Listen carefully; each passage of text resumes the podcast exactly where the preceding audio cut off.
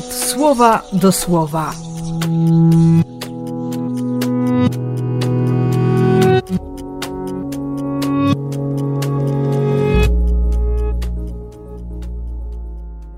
Trzydziesty maja, wtorek.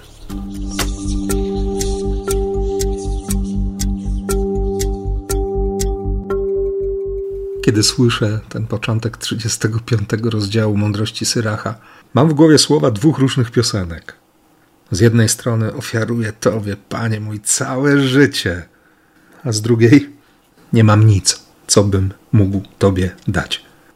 Abstrahuję oczywiście od poprawności wykonywania tych śpiewów w czasie Eucharystii, ale myślę faktycznie o tym, co ja mogę dać Bogu.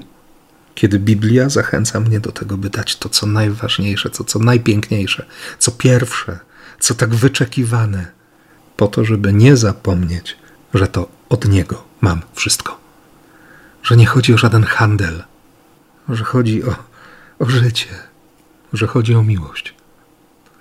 Piotr tego jeszcze nie potrafi uchwycić.